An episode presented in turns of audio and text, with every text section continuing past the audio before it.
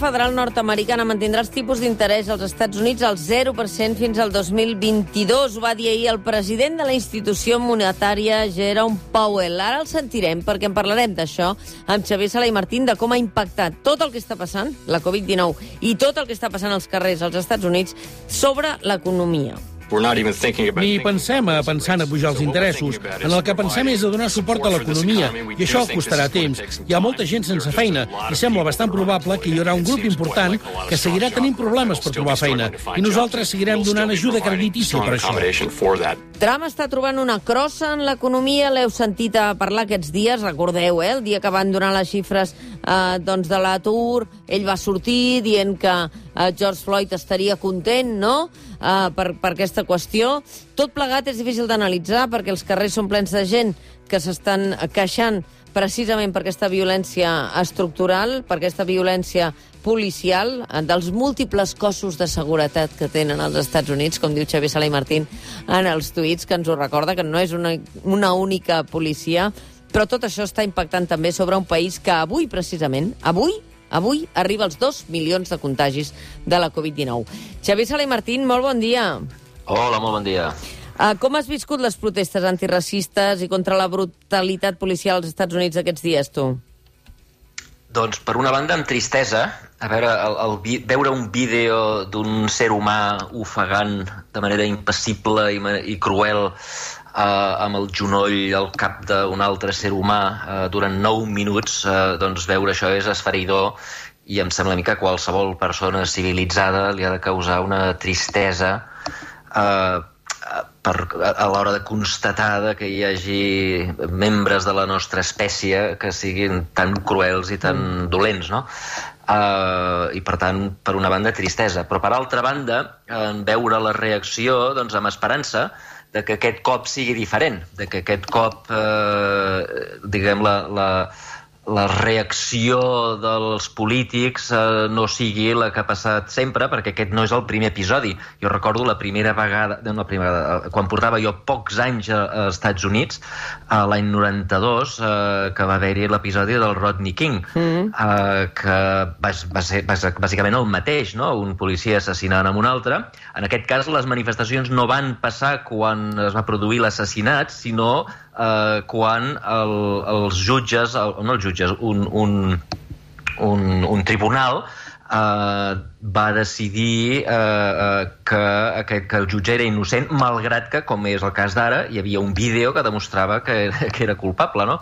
Eh, I allò va, de, des, va desfermar la ira dels americans eh, i, bàsicament, en aquell cas, la majoria eren negres, eh, això va passar a Los Angeles, i durant dies van haver-hi manifestacions, incendis i una cosa eh, tremenda, eh, però això no va donar cap resultat en el sentit de que no va haver-hi reformes en el sistema judicial, reformes en el sistema policial, reformes en, la, en el sistema de garantista de, de, que, de que aquest tipus de coses no han de passar, doncs jo espero que aquest cop la cosa sigui diferent, de que no, de que no, de que no sigui unes quantes manifestacions i després tothom cap a casa, i potser sí que és diferent perquè diguem, veiem en aquest cas que els, els blancs eh, s'han apuntat de manera massiva, cosa que no va passar a Los Angeles el 92, veiem una cosa anecdòtica però que jo crec que és interessant i important. Eh, suposo que ara eh, la major part dels oients han vist el, la, la sèrie del Michael Jordan, de Last Dance, a, Sí. a Netflix, perquè l'ha vist eh, 50 milions de persones arreu del món, o sigui... Eh, I allà hi ha una cosa que, és, eh, que és, eh, va ser molt, molt definitòria de la seva carrera, que és en el moment que hi havia una, un, unes eleccions eh, al seu estat, que és el, el de Carolina del Nord, eh, on hi havia un candidat del Senat negre, que es deia Harvey Grant, eh, contra un conegut racista supremacista que es deia, que es deia Jesse James, el Gant li va demanar el Jordan que, que li donés suport, això era el moment, això era l'any 90, eh, era el Sí, moment sí, àlgid sí. de la carrera del Jordan, i el Jordan diu no, perquè No, els exacte. republicans també compren sabatilles Nike. Ah, exacte. I en Ah. canvi ara ho ha fet, eh, Michael Jordan. Ah, ah, exactament. Aquesta Ah, és la exactament. notícia, eh, que Michael Jordan ara va sortir immediatament, eh? Ah, exactament. Malgrat que segueix tenint un imperi de sabatilles eh, de Nike Air, vull dir que ara potser s'hi juga més i tot que en aquell moment, mm. eh, malgrat això, i malgrat que els republicans segueixen comprant sabatilles Nike, aquest cop sí que ha sortit i, i ha demanat, eh, bueno, ha condemnat els fets, ha condemnat la policia de Minnesota, ha, ha dit que això era una vergonya, que se sentia com a negre humiliat, etc etc. i per tant és possible que aquest cop sigui diferent i és per això que a banda de la, de la uh, tristesa que provoca veure sers humans tan cruels, també tinc l'esperança de que aquest cop sigui diferent i que, uh, diguem, entre tots puguem construir uns Estats Units uh, millors. Ara, escolta, Trump no només no ha mostrat comprensió per la gent que protesta, tothom té al cap les coses que ha dit i les que ha fet, eh? però, uh, sinó que es refugia a la Casa Blanca, eh, va fer dispersa les manis amb, amb policia, i a sobre, quan surten les dades de l'atur, que recordem que eh, als Estats Units estaven al 4%, ara estan al 13,3%, ahir Jerome Powell deia que tancaran el 9,5%, surt i instrumentalitza George Floyd eh, a través de les dades de l'atur. Uh, tu com creus que li passarà factura, si és que li passarà, eh? Uh, Donald Trump, el, la situació econòmica en la que la deixarà el Covid barrejada amb aquesta crisi, no? A veure, anem per parts. Eh, primera, el, el, el, el Trump quan tuiteja sembla que ho faci uh, després de prendre cinc gin tònics. Mm. Uh, algú li hauria de recomanar que quan veu no faci tuits no condueixi, perquè... No condueixi xarxes. Exacte, perquè, perquè no, no, no diu coses intel·ligents. I, i no sé per què hi ha, hi ha un moment de la nit que comença a dir tonteries, jo suposo que deu ser de tenir el govern amb l'alcohol. Uh, a veure, les revolucions no les causen els revolucionaris, en general, sinó l'estupidesa i la brutalitat dels governants que no saben eh, controlar els revolucionaris. Uh, I en aquest sentit, el Trump el que fa és uh, pujar, posar llenya al foc. Uh, i, I a mi em sembla que, que, que, és, que és contraproduent la seva actitud uh, xulesca de sortir allò a ensenyar una bíblia i per poder caminar 100 metres doncs la policia ha de començar a pagar la gent perquè ell pugui caminar com un masies amb la bíblia. O sigui, fa, fa unes coses que a mi em sembla que no, que no l'ajuden. Uh, I per tant, eh, el tema eh, aquest d'imatge i, de, i de, de, de, de, la, de com ha gestionat aquesta crisi jo crec que li pot passar factura.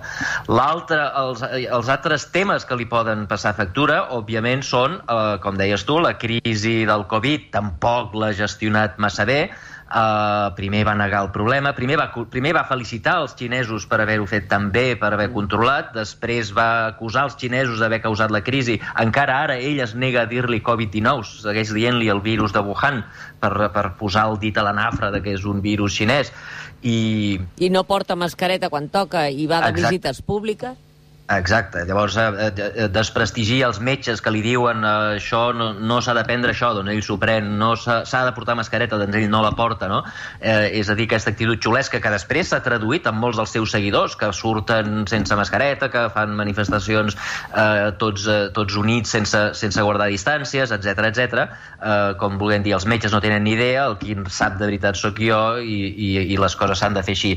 Jo crec que això també li pot passar factura, però a, a tot això uh, s'uneix la uh, antiga tradició, això, això ho hem parlat aquí més d'una vegada, uh, que uh, no, no és que hi hagi una llei que digui que quan hi ha una crisi econòmica el president mm, que, que es presenta a la reelecció és, és expulsat, és a dir, perd les eleccions, Uh, però és una, és una, una constant uh, estadística. Una constatació diguem. històrica. Jimmy Carter, Exacte. tu ho has dit en l'informe Salamartín alguna vegada. Sí, sí. Jimmy Carter, Gerald Ford i George Bush pare, no?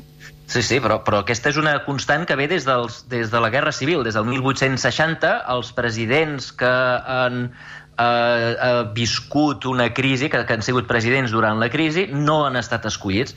I, per tant, eh, diguem, la, la, la, la peça clau o la, o la tercera peça eh, important d'aquest puzzle per ell serà la crisi econòmica. Mm. Eh, quan profunda és la crisi econòmica, si eh, és possible, podria ser, no sé, que s'inventés una solució, un fàrmac o una vacuna entre ara i el novembre, perquè recordeu que les eleccions no són ara, sinó que són al novembre, doncs és possible que es produeixi una eufòria econòmica tan gran que li salvi el cul però en aquests moments la cosa no pinta que al mes de novembre l'economia anirà bé i, per tant, Trump tindrà, tindrà problemes. En aquests moments, en aquests moments, les enquestes d'ahir, ahir vaig estar mirant enquestes per preparar el programa d'avui, eh, no només li donen 8 punts d'avantatge en, el, en el Biden, que és l'avantatge més gran des de que són els dos eh, candidats, diguem, eh, i, i, i el, el Biden havia tingut molt avantatge fa l'estiu passat, però quan encara hi havia eh, 14 candidats demòcrates, per tant, eh, el Biden té un avantatge a nivell nacional de més de 8 punts, però el que és més important és que a tots els estats diguem, eh, eh, que, que, importants, eh, que, els que acaben decidint les eleccions, eh, doncs a tots aquests estats el Biden va per davant. Wisconsin, Florida, Michigan, Pennsylvania, Arizona. L'únic en el qual no va davant, però van empatats, és el de Carolina del Nord. Eh? I, per tant, eh, sembla que eh, eh tot això està, està diguem, pesant com una llosa en el, en el govern dels Estats Units i, per tant, el Trump pot tenir problemes eh, per la reelecció. Però, insisteixo, aquí falta encara una, una part important de l'any, diguem, eh, encara no estem a novembre i, i pot, passar, pot passar de tot. Clar, jo em plantejava, Xavier, eh, el fet que ell fes en la seva primera campanya de l'America First i dels llocs de treball aquí, i jo us tornaré la feina, jo us tornaré la feina, i m'enduré les fàbriques que tinga, que estan a fora externalitzades, eh, eh, vindran cap aquí, etc. Si ara es presenta el novembre amb un atur que evidentment serà més alt, i en una situació socioeconòmica serà víctima de la seva pròpia trampa, no? Sí, sí, sí. Tot i que, insisteixo, que està per veure com estarà l'economia al novembre. Eh? Uh, aquí uh, l'economia pot rebotar fàcilment si, si ara mateix uh, vingués un savi i ens digués mira, per tractar el virus s'ha de prendre aquesta pastilla i, per tant, la, la mortalitat cau en picat, no, no cal una vacuna, eh? només que passi això, uh, l'economia pot rebotar. Mm. De fet, les dades d'atur que va presentar el, el divendres passat, que ell també els va presentar com un mesies, com, com demostrant que, que ell havia fet una gran feina, eh, uh, és veritat que l'atur la, era molt més alt que lo normal, però eh, uh, s'havien creat dos milions i mig de llocs de treball al mes de maig al mes de maig s'havien creat dos milions i mig de treball al mes de maig.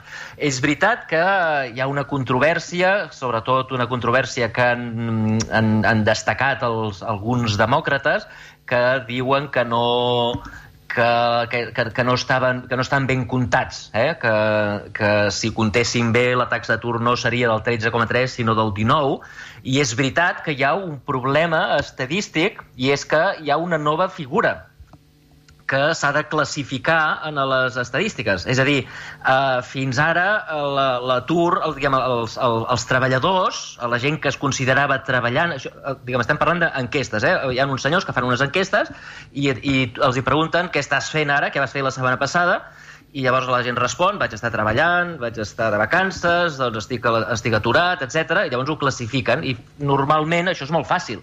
Però, clar, aquí apareix una nova figura, que és gent que diu eh, jo eh, tinc feina però en aquests moments estic a casa mm. perquè no em deixen anar a treballar. Mm. Eh? Uh, clar, fins ara la gent que té feina però que no treballa se'ls classificava com estan de vacances. Eh?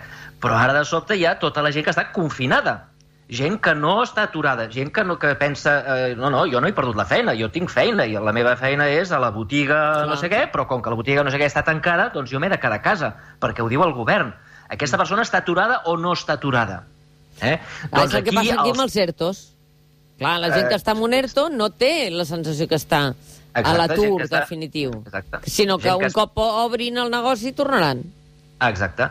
Llavors, tota aquesta gent com es classifica?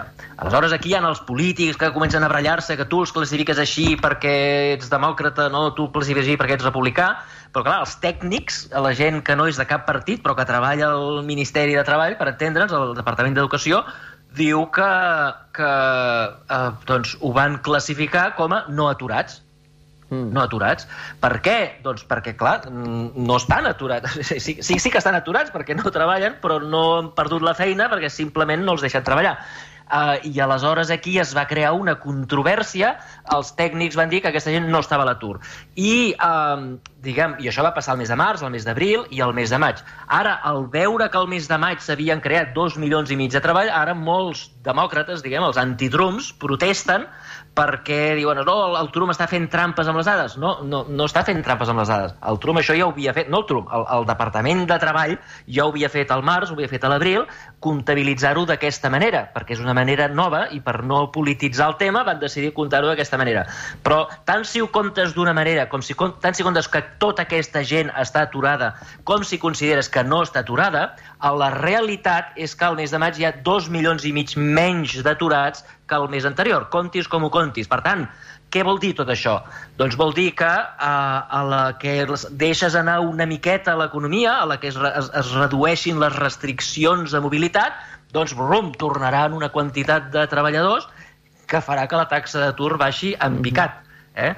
I per tant, insisteixo, si eh, es troba perdó, si es troba algun tipus de solució mèdica, eh, és possible que la cosa es dispari fins al punt de que, eh, de que el, el Trump es pugui presentar a les eleccions com un èxit econòmic. Jo espero que això no passi, perquè aquest home serà un desastre no només per l'economia americana, sinó pel món, eh, però és possible, no, no, no, no, no, no posaria la mà al foc de que, de que això no passi. Per cert, una altra cosa que demostra tot això, totes aquestes dades de l'atur, és que els economistes en aquests moments són incapaços de fer prediccions. Ja ho som en general, eh? ja te recordes que jo sempre critico sí. aquí la nostra capacitat eh, de predir el futur. Sí, la pues, FED a... diu que baixarem el PIB tant, l'altre diu exacte, que baixarem tant. Exacte el Fons Monetari, el Banc Mundial, el Banco d'Espanya, aquí tothom té prediccions, no va haver-hi cap economista, cap ni un, que, prevegué, que preveiés que el mes de maig eh, l'atur eh, baixés.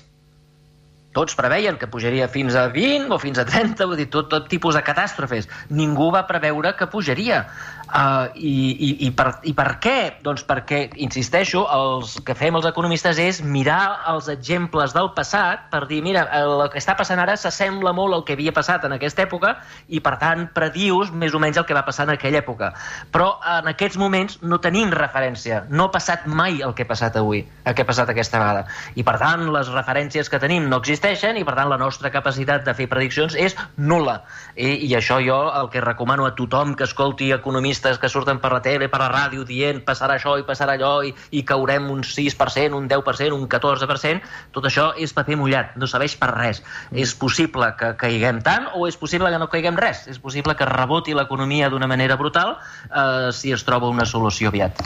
I eh, en, aquesta, en aquest context en el que estem, eh, aquesta notícia de la Reserva Federal Nord-Americana mantenint els tipus d'interès als Estats Units al zero, eh, com la valores? Home, en aquests moments el, la Reserva Federal i el Banc Central Europeu, i jo diria, afegiria també el Fons Monetari Internacional, que són les tres grans institucions que en aquests moments poden fer coses importants per ajudar l'economia, el que han de fer és donar diners a, a les empreses, als governs, als ciutadans. Eh? Recordeu que jo aquí des del primer dia... La injecció, que el que hauria de fer... injecció, injecció, líquid, líquid, injecció. líquid Sí, helicòpter, anar amb un helicòpter i tirar els diners per la finestra i qui els agafi se'ls queda. El, el, això és el que haurien de fer perquè el que s'ha de fer és mantenir vius els llocs de treball, mantenir vives a les empreses. Per què? Doncs perquè quan aparegui la solució del virus, doncs tinguem, diguem, tinguem tots els llocs de treball preparats perquè tothom pugui tornar i d'alguna manera puguem tornar on estàvem el mes de, el mes de febrer. Eh, quan més empreses morin, doncs eh, més difícil serà tornar al mes de febrer, eh, perquè quan una empresa es mor, tots els llocs de treball aquells desapareixen, i fins que no es creï una altra empresa, doncs no, no, no hi haurà llocs de treball. Ah. I per tant, mm. eh, jo crec que en aquests moments és bo no només que la Reserva Federal, sinó també que el Banc Central Europeu i el Fons Monetari pels països del tercer món, que faci exactament el mateix, que eh, imprimeixin diners, mantinguin tipus d'interès a zero i ajudin a totes les empreses i tots els ciutadans que puguin per mantenir viva l'economia. Xavier Sala i Martín, moltíssimes gràcies. Rodó. Gràcies a tu. El matí de Catalunya Ràdio. Siguis allà on siguis, ets a casa. Amb Mònica Terribas.